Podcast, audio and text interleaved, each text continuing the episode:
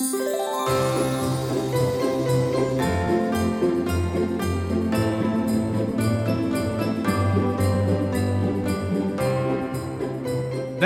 till adventspoddarna i vänliga Vetlanda-podden. Jag heter Martin Trofast och det här är min historia.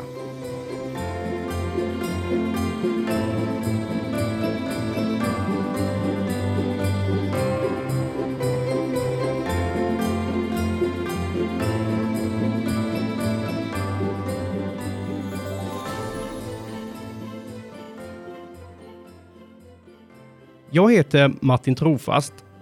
Att få förmånen att genom denna podd få förmedla min historia känns jätteroligt. Jag tänkte kort och gott berätta om mig själv och min familj, mitt stora intresse för motorcyklar och om mig själv som insatsledare inom Höglandets räddningstjänstförbund och hur man lyckas att få dessa saker att harmonera i någon form av livsstil. Hur påverkar jobbet mig som privatperson och hur kombinerar man ett arbete med obekväma tider med familjelivet och ambitionerna om att resa världen runt på motorcykel? Om ni tidigare hört talas om jobbet som brandman heltid och jobbet som brandman deltid så kommer ni under denna podd även få bekanta er med begreppet brandman alltid. Men har mitt liv alltid bestått av brandbilar och motorcyklar? Det är frågan. Vi tar allt från början. Detta är min historia. Även om jag inte känner mig så gammal så signalerar min kropp på ett tydligt sätt att jag är i 30-årsåldern. Eller ja, egentligen mer specifikt 35 år gammal. Jag lever ihop med min fru Sofie och våra två barn Ebba och Theo. Vi bor i en villa i centrala Vetlanda. Vi lever ett mycket aktivt liv med många bollar i luften och det är mycket som ska hinnas med på dagarna. Jag föddes i det stora samhället Stockaryd, som för övrigt i min värld är Sävsjö kommuns stolthet. Som fyraåring flyttade jag och min familj till Sävsjö. Under min uppväxt testade jag på en rad olika sporter och min idrottsintresserade far gjorde allt i sin makt för att få mig att förstå bollsportens charm. Och alla ni som lyssnar på denna podd och känner mig vet att just bollsport är något som jag är jättedålig på. Med utmärkelse som sämsta brandmannen på fotboll någonsin genom alla tider i modern historia på brandstationen i Växjö så förstår ni på vilken nivå vi pratar om.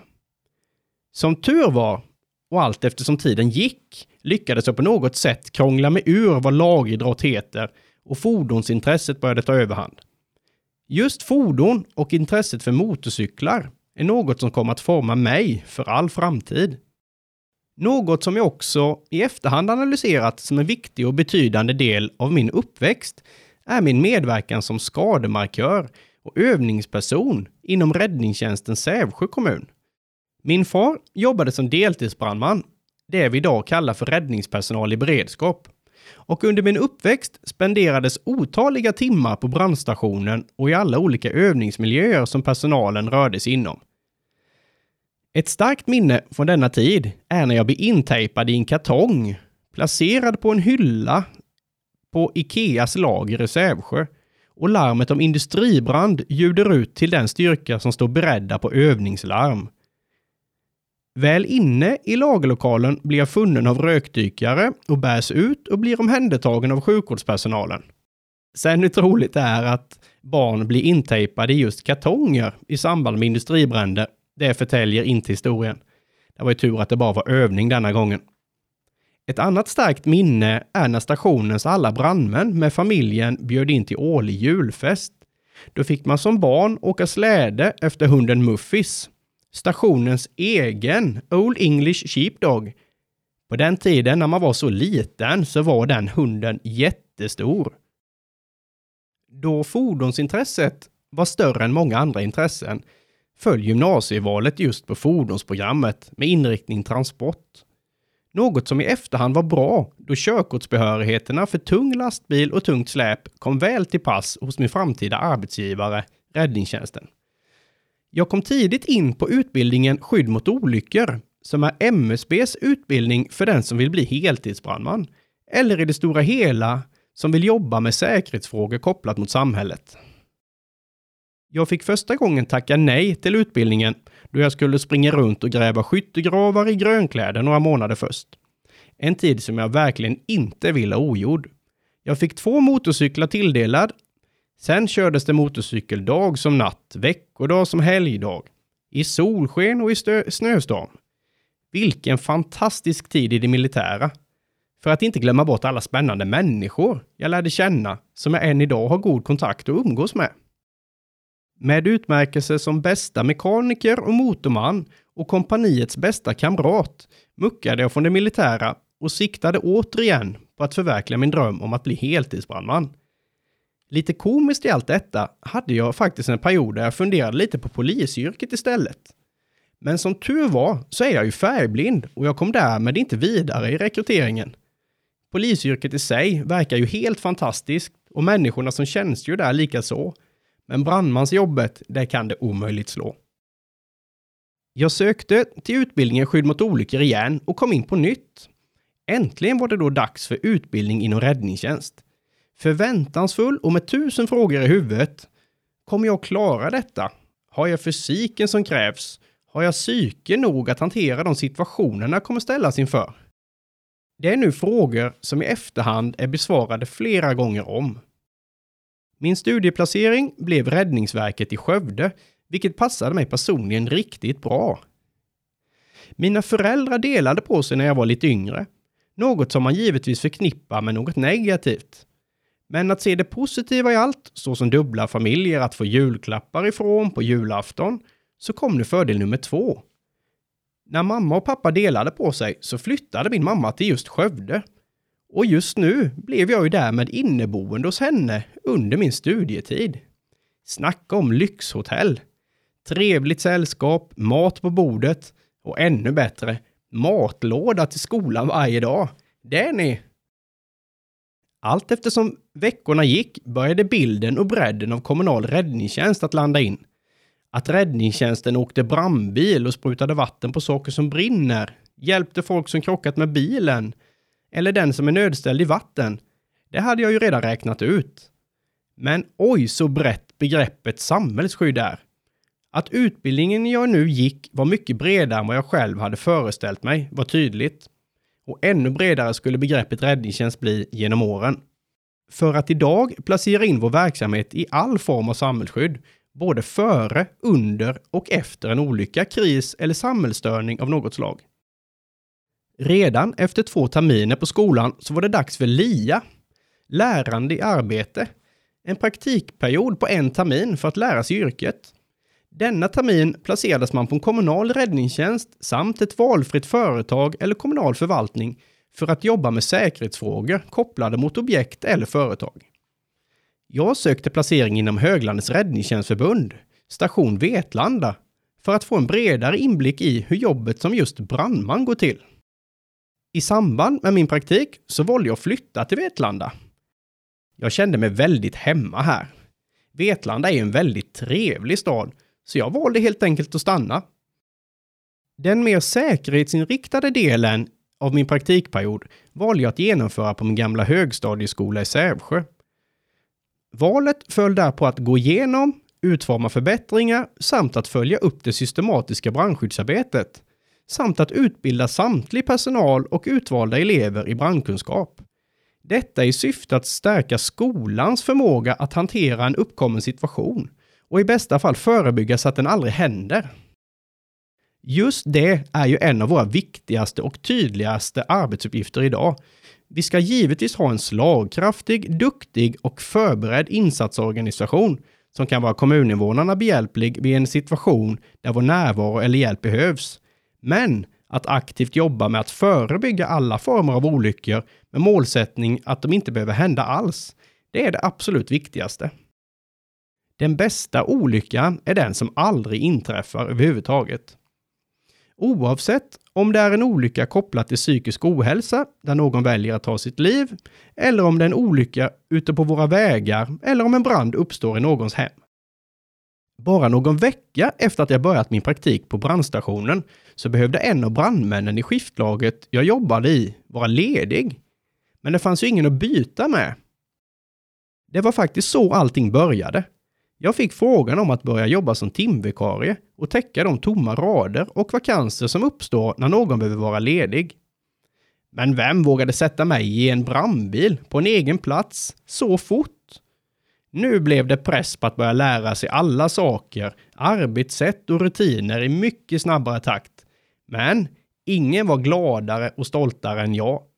Det var så stort att faktiskt få åka på en egen plats i brandbilen. Drömmen var härmed uppfylld. Detta var årsskiftet 2008-2009 och tänk vad det hänt saker sedan dess. Killen som behövde vara ledig heter Valle.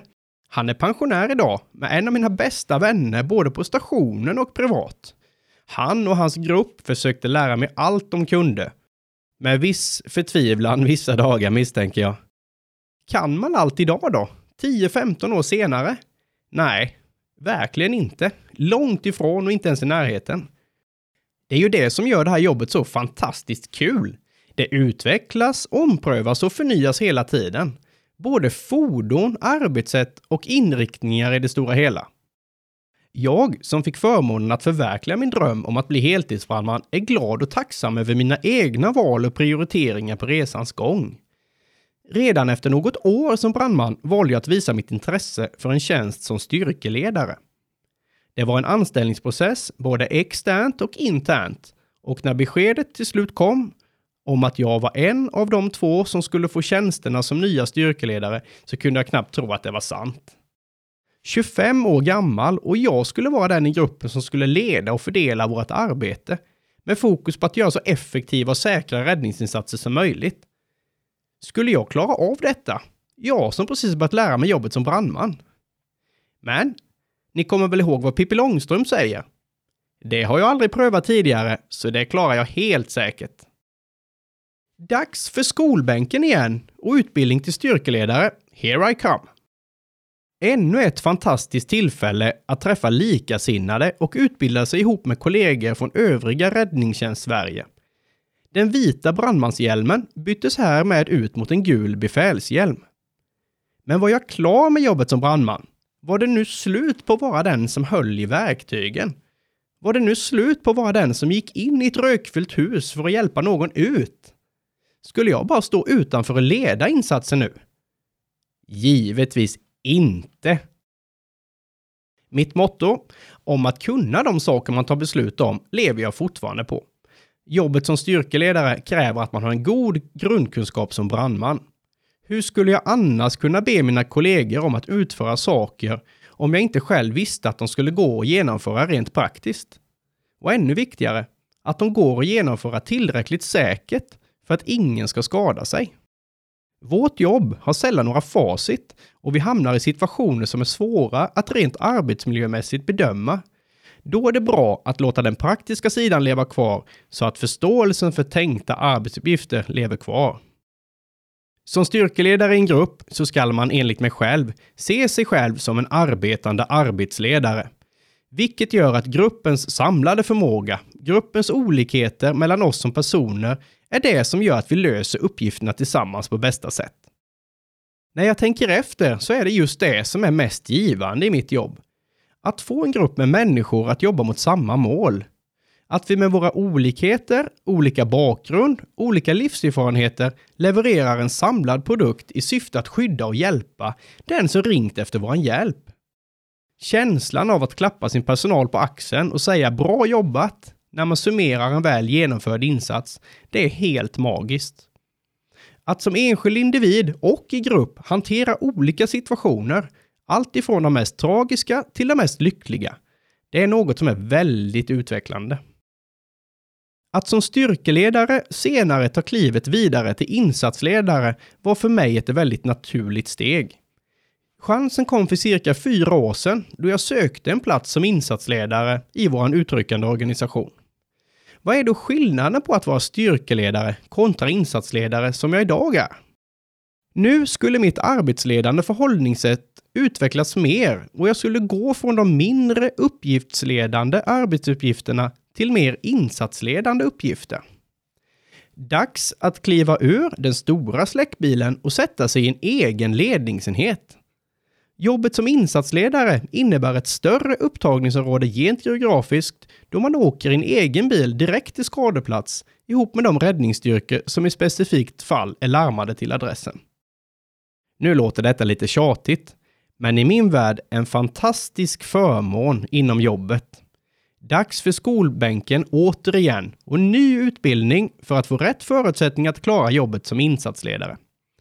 Att få möjligheten av en arbetsgivare till så mycket personlig utveckling är för mig en bidragande orsak till varför jag trivs så bra på jobbet.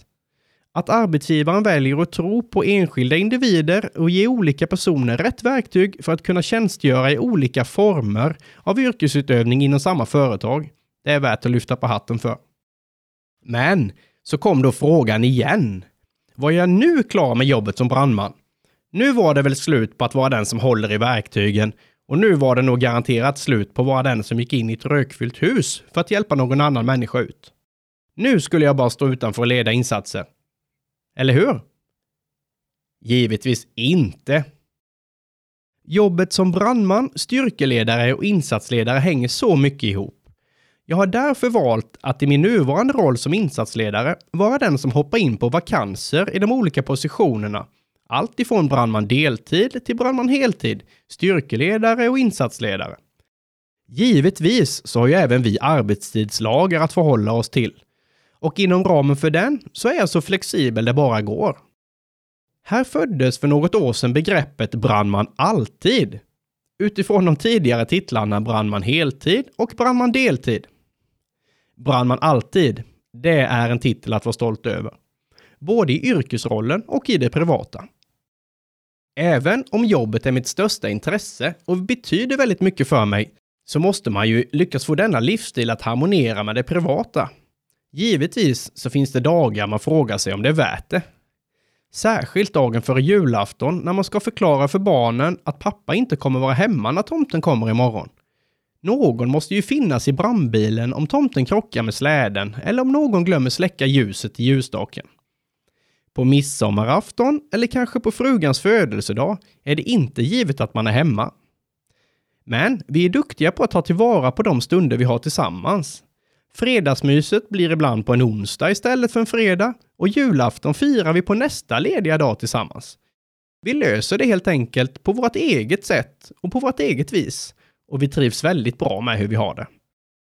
Vårt jobb pågår dygnet runt, året om. Samma bemanning, samma förutsättningar att kunna genomföra bra insatser för den eller de som behöver oss just den dagen. Detta är ju inget som är unikt för mig eller för brandstationerna på höglandet, utan detta är generellt för alla inom detta yrket och för alla yrkeskategorier som jobbar med människor eller samhällsservice. Vi finns ju här för er skull. Detta är ju ett jobb och som jag tidigare nämnt, även för mig en livsstil. Men givetvis så har jag ju lika mycket fritid som alla andra.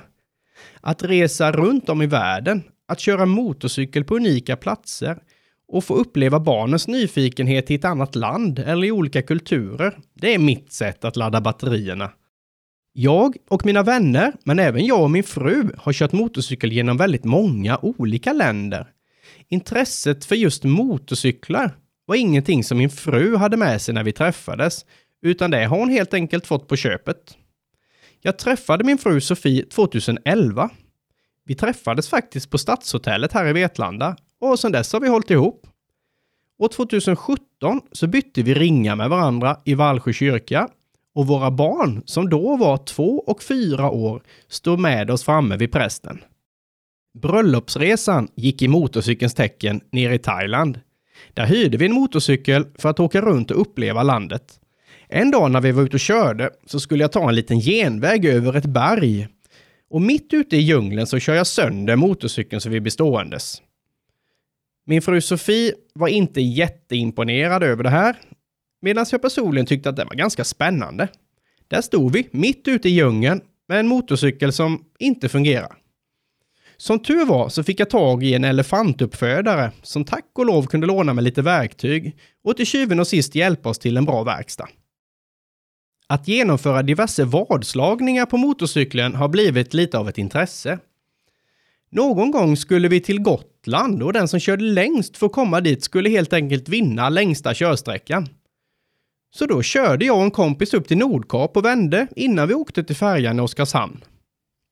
Med någon liten avstickare så blev det cirka 510 mil till Gotland den gången. Vi vann faktiskt första pris i längsta körsträcka med god marginal. Förra sommaren skulle jag skicka en grattishälsning till en kollega uppe i Luleå som precis fått barn. Och som vanligt när någon får barn så ingår det att man röker en cigarr ihop. Och i detta fallet så tänkte jag röka en cigarr och överlämna ett paket till min kollega. Paketet skulle gått med post, men jag valde istället att köra upp paketet själv. Väl uppe i Luleå så rökte vi våran cigarr, han fick sitt paket och jag vände på stående fot och åkte raka vägen hem till Vetlanda igen. Samma dag. Det blev 240 mil på den rundan utan att stanna mer än att överlämna paketet och tanka. Det var en bra dag på motorcykeln helt enkelt. Ett annat kul minne var när vi skulle åka till Eiffeltornet med motorcyklar som max fick kosta 5000 kronor i inköpspris. De fick inte vara nyare än 1990 till årsmodellen och vi skulle vara iförda skinnställ från samma år som hojen var tillverkad. Den enda packningen vi fick ha med oss, det var en sticksig och rutig filt som vi skulle sova i under bar himmel. Vi åkte 12 motorcyklar och 13 grabbar. När vi kom hem igen så hade vi bara 11 motorcyklar kvar och 12 grabbar. En hoj gav upp på resans väg och en av mina kompisar blev så rastlös i kön till Eiffeltornet att han helt enkelt tog ett flyg till fjällen och åkte skidor istället. Eftersom jag lever på mina motorcyklar så vill jag ju givetvis testa allt på två hjul. Och förhoppningsvis innan det här året är slut kommer jag att hinna köpa mig min 300 motorcykel. Det har med andra ord blivit några hojar och olika modeller genom åren. Med tanke på att det blir en del resande så får man ju även här en unik chans att tänka lite räddningstjänst. Det är ju inte utan att man tittar och pratar lite brandbilar med andra likasinnade runt om i världen. När vi för någon resa sedan passerade Kalifornien och över bergen begav oss mot Mexiko för att korsa Bajaöknen på våra offroad-motorcyklar kunde man ju inte motstå att stanna in till och titta lite på de skogsbrandsanpassade stationerna som ligger mitt ute i ingenstans. Jag har gjort daglig kontroll på brandfordonen i Thailand och jag har även suttit som chaufför på en estnisk släckbil under en förmiddag. De hade förmodligen aldrig låtit mig köra om det väl gått larm, men kortet bakom ratten blev väldigt bra i alla fall. Är mina kompisar lika imponerade? Nej. Är min familj lika imponerad? Nej. De är faktiskt ganska trötta på att lyssna på allt tjat om räddningstjänst och brandbilar dagarna i ända. Men med målet om att åka jorden runt på motorcykel framöver så kommer jag nog hinna med att titta på en och annan brandbil och dess organisation. Liknelsen här är ganska komisk jag själv växte upp i ett jakttorn med min farfar och min far. Vi jagade dagarna i ända. Gillar jag jakt? Nej. Jag tror nog att schack är mer spännande än jakt, faktiskt. Gillar mina barn motorcyklar? Ja. Eller jo, eller sådär. Det är nog andra saker som lockar mer. Ni ser, allt går inte rakt nedåtstigande led. Och tur är väl det. Men jag har inte gett upp. Jag har nu lagt barnens crosskarriär på hyllan några månader för att helhjärtat satsa på speedway för dem. Det ser ju riktigt kul ut. Det låter högt och det går riktigt fort. Jag själv har precis funnit mig en fantastiskt rolig sport att ägna all vaken tid åt. Den heter Flat Track. En variant av motorcykeltävling som utförs på rundbana precis som speedway. Denna sport har satt griller i huvudet på mig och nattetid skruvar jag motorcyklar som ska kunna svänga vänstervarv för glatta livet.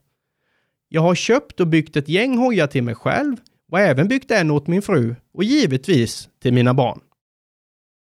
Nog om allt gällande brandbilar och motorcyklar. Nu måste jag ju berätta lite om bredden i vår kommunala räddningstjänst, om vår organisation och om hur jobbet påverkar mig som privatperson. Det är ju lite därför jag är här och pratar idag. Många kommuninvånare och även jag själv innan jag började på räddningstjänsten hade en bild av att vi mest åker på larm och att verksamheten i övrigt är ganska passiv. Du som delar denna bild som jag en gång hade har så fel. Jättefel faktiskt. Vad är egentligen räddningstjänst? Vad är egentligen vårt uppdrag? Och vad, vad gör vi när vi inte är på larm? Just den frågan kring vad vi gör när vi inte åker brandbil är väldigt vanlig. Visste du till exempel att vi samordnar grannsamverkan? Att vi jobbar med brottsförebyggande åtgärder i våra medlemskommuner? Att vi jobbar aktivt med folkhälsa och har personal som jobbar med suicidprevention? Att vi föreläser inom hot och våld? Att vi utbildar människor i att kunna hjälpa en medmänniska som lider av psykisk ohälsa? Hur kan man se på en annan människa att den planerar att ta sitt liv? Kan man förebygga och åtgärda? Givetvis. Det är ju här vi gör skillnad, både du och jag. Vi är delaktiga inom kommunens krisberedskap och är en aktiv aktör när det gäller att hålla samhället väl förberett på en krissituation. Exempelvis vid en torka eller annan påverkan som får stora konsekvenser för våra kommuninvånare eller för samhället som helhet. Vad händer om elen försvinner och hur ser vi till att hjälpa till om så blir fallet? Att vi utbildar både privatpersoner och företag inom brandkunskap så att alla kan upptäcka och förebygga en allvarlig situation och om den ändå uppstår kunna hantera den innan skadan har blivit större. Vi är delaktiga i byggprocesser så att våra fastigheter lever upp till den säkerhetsstandard som utlovas. Vi tillsynar även olika verksamheter i syfte att upprätthålla gott brandskydd och högt säkerhetstänk. Har ni sett någon sotare eller brandskyddskontrollant i vårt fordon någon gång? Det är klart att ni har. De jobbar ju också hos oss. Ett gott brandskydd i privatbostäderna är livsviktigt. Vi underhåller, servar och reparerar våra fordon, vårt material och våra fastigheter. De här sakerna måste ju vara i topptrim, för när väl larmet går, då måste allting fungera. Vi själva måste givetvis vara väl förberedda, så därför övar vi regelbundet på allt material, alla fordon och alla arbetssätt. Att hålla alla brandmän uppdaterade och duktiga på allt, det är ett stort jobb som kräver stort intresse och engagemang från alla våra anställda. Vi jobbar aktivt med att utbilda inom sjukvård, HLR, hjärtstartare och barn-HLR. Detta för att det är du som lyssnar på denna adventspodd, du som privatperson eller i din yrkesutövning som är först på plats om någon blir sjuk eller om en olycka inträffar, inte vi på räddningstjänsten. Den som vågar agera och hjälpa en annan människa är den som förtjänar att kallas hjälte, inte vi på räddningstjänsten. Att vi finns och jobbar i tidslinjen före en eventuell olycka, den är helt självklar för oss. När ni väl ser oss ute med blåljus på, då är vi mitt uppe Bien eller på väg till en räddningsinsats. Att vi även finns kvar i tidsaxeln efter en händelse är lika naturligt för oss som att vi finns före och under en pågående situation. Här handlar det om att drabbade individer ska få så mycket hjälp och stöd från samhället som möjligt. Här är vi en aktör som agerar spindeln i nätet. Att sy ihop säcken och se till att de som blivit drabbade av en oförutsedd situation får den hjälp och den stöd som finns, det är otroligt viktigt. Detta är rakt av en arbetsuppgift som jag som insatsledare ansvarar för. Och det är en av de arbetsuppgifter som många gånger blir avgörande för hur enskild individ kommer att bearbeta det som hänt, både på kort och på lång sikt. På en arbetsplats där man inte i förväg vet exakt hur dagen kommer att se ut, så får man också vara beredd på att kastas in i situationer som är svåra att förbereda sig på. Eller i alla fall svåra att i förväg veta hur man ska hantera. Precis som jag sa i början så var detta en av mina största farhågor. Kommer jag klara av det här arbetet rent psykiskt? Majoriteten av den tid vi jobbar och majoriteten av alla våra larm slutar oftast bra för de inblandade. Och med bra menar jag att man har livet och hälsan i behåll. Även om kanske en olycka där någon krockat med sin bil kan vara det mest kaotiska som den individen upplevt hittills i hela sitt liv. Hur orkar ni med allting ni får vara med om? Den frågan kommer allt som ofta. Att komma till en allvarlig trafikolycka där någon är allvarligt eller i värsta fall livshotande skadad, eller när en människa inte hinner ut från det hus som brinner, det är situationer man inte bara ska åka av sig hur som helst. Detta kräver även för oss bearbetning och vi är väldigt duktiga på att prata med varandra i syftet att ventilera och prata av oss för att må bättre. Vi har även duktiga samtalsledare som kopplas in när vi behöver extra stöd i bearbetningsprocessen efter specifika händelser. Det är ingen svaghet att behöva prata med någon, snarare tvärtom. Det vittnar om en styrka att på eget initiativ kunna prata och ta hjälp för att kunna bearbeta vissa situationer.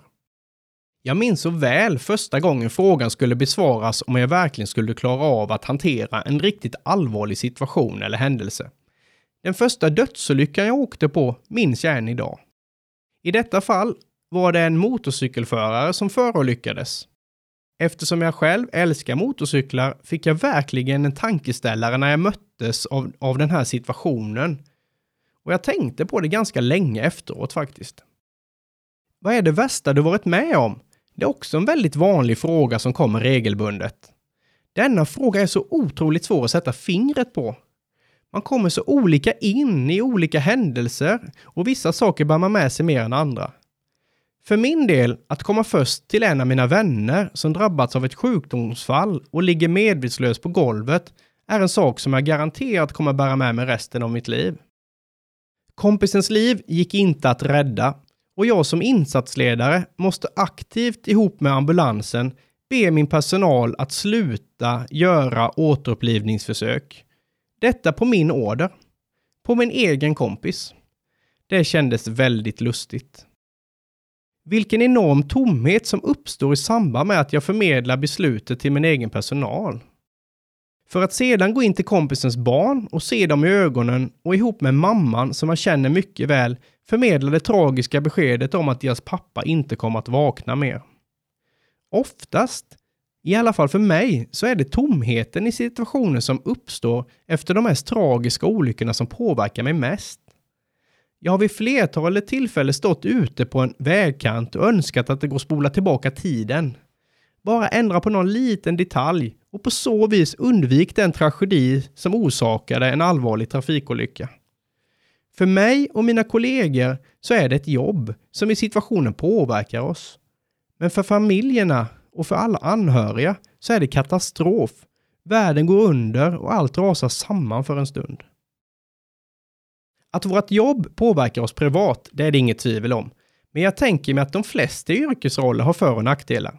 Så länge fördelarna överväger nackdelarna så är man ju på rätt sida. Att få den fantastiska möjligheten att försöka förebygga alla de hemska saker som ibland inträffar är väldigt givande. Alla människor man träffar i alla de situationerna som går bra, all uppskattning vi får för att vi hjälpte till, det är saker som också sätter sig på minnet. Att få åka ut och hjälpa och tillbaka får man ett stort tack. Snacka om att bli uppskattad. Och vi gör ju vårt jobb och folk blir mestadels glada av att se oss. Det är helt fantastiskt. Det var någon som på ett ganska förnuligt sätt jämförde oss med sin bilförsäkring. Han sa till mig att den känns väldigt dyr och onödig att betala. Men när något inträffar och man behöver hjälp så är stödet ovärderligt när man väl står där. Den har jag grubblat lite på i efterhand. Det kanske är så. Det kostar givetvis en del att bedriva en räddningstjänst, men när den väl behövs, ja då finns vi där. Och under tiden lägger vi alltid på att förebygga, egentligen bort vårt eget jobb. För precis som jag sa innan så är den bästa olyckan den som aldrig händer. Går det inga larm på ett helt dygn, ja då mår ju alla bra. Avslutningsvis så måste jag också passa på att berätta en rolig historia kopplat till vår verksamhet. Det var vid lunchtid och vi satt och åt på brandstationen när dagens styrkeledare får ett samtal på telefonen. Och det är en person i andra änden som försiktigt frågar om vi kan tänka oss att hjälpa till att ta hand om en älg. Varpå vi svarar att vi har ingen möjlighet att ta hand om någon älg, men vi hjälper jättegärna till att koppla vidare till polis eller kanske till jakträttsinnehavaren. Personen kontrar då med att den den behövs inte tas om hand på det viset, utan den står inne i personens garage. Vänta lite här nu. Det står alltså en älg inne i ditt garage. Ja, precis. Det står en älg inne i mitt garage. Jaha, eh, hur löser vi då detta? Men vad tror du om att öppna portarna så att den kan vända och springa ut i skogen igen? Jo, svarar inringaren, det är bara ett problem. Jag bor ju mitt inne i stan. Med risk för att första aprilskämten kom tidigt det året så rullade vi mot adressen. Vi klev ur brandbilen och försiktigt tittade vi in i garaget. Mycket riktigt, där inne stod en älg. Den såg på oss och blicken var väldigt talande. Den var lika förvånad över att se oss som att vi var förvånade över att se den. Vi hjälpte älgen ut och den skuttade glatt iväg bland bilar och fotgängare med siktet inställt på närmsta skog. Som tur var fick vi hjälp av polisen att spärra av vägarna så att älgen kunde ta sig en säker väg tillbaka till skogen. En lycklig historia helt enkelt. Den har bjudit på många goa skratt i efterhand, precis som i brandbilen på vägen hem tillbaka till brandstationen. Det är ju alla de här positiva händelserna där man faktiskt kan hjälpa, där man ser glädjen hos dem som faktiskt har bett om våran hjälp. De situationerna överväger med råge de tragiska händelser vi utsätts för. För att kunna utföra alla olika arbetsuppgifter behöver vi ju alla olika individer på vår arbetsplats. De ovan nämnda arbetsuppgifterna och alla exempel från vår insatsverksamhet kräver duktig personal. Personal som har inställning om att jobba aktivt förebyggande i sitt driftsuppdrag, det vill säga den tiden vi inte är på larm. Men de måste också snabbt kunna ställa om till att vara i brandbilen på 90 sekunder. Alla våra heltidsanställda brandmän, befäl och ingenjörer har nämligen både ett driftsuppdrag och ett operativt uppdrag i sin anställning. För att klara av att hålla våra insatstider och kunna finnas på plats för alla kommuninvånare i våra medlemskommuner så finns det flertalet orter med deltidsanställda brandmän. Dessa är till numerären många fler än oss som jobbar på heltidssidan. Dessa individer har en huvudarbetsgivare utanför räddningstjänsten och är på sin beredskapsvecka redo att inom sex minuter infinna sig på sin lokala brandstation för att kunna rycka ut och hjälpa den hjälpsökande. Dessa brandmän med sina huvudarbetsgivare är riktiga hjältar som ser till att samhällsskyddet fungerar runt om i kommunens alla hörn. När den stora olyckan är framme så hjälps vi alla åt och flera stationer samarbetar på samma skadeplats. Tillsammans skyddar och hjälper vi. Detta var lite av min historia och jag vill med detta passa på att tacka för mig och önska alla en riktigt god jul och ett gott nytt år. Var försiktiga i jultrafiken och var rädda om er. Ha det bra! Hej då!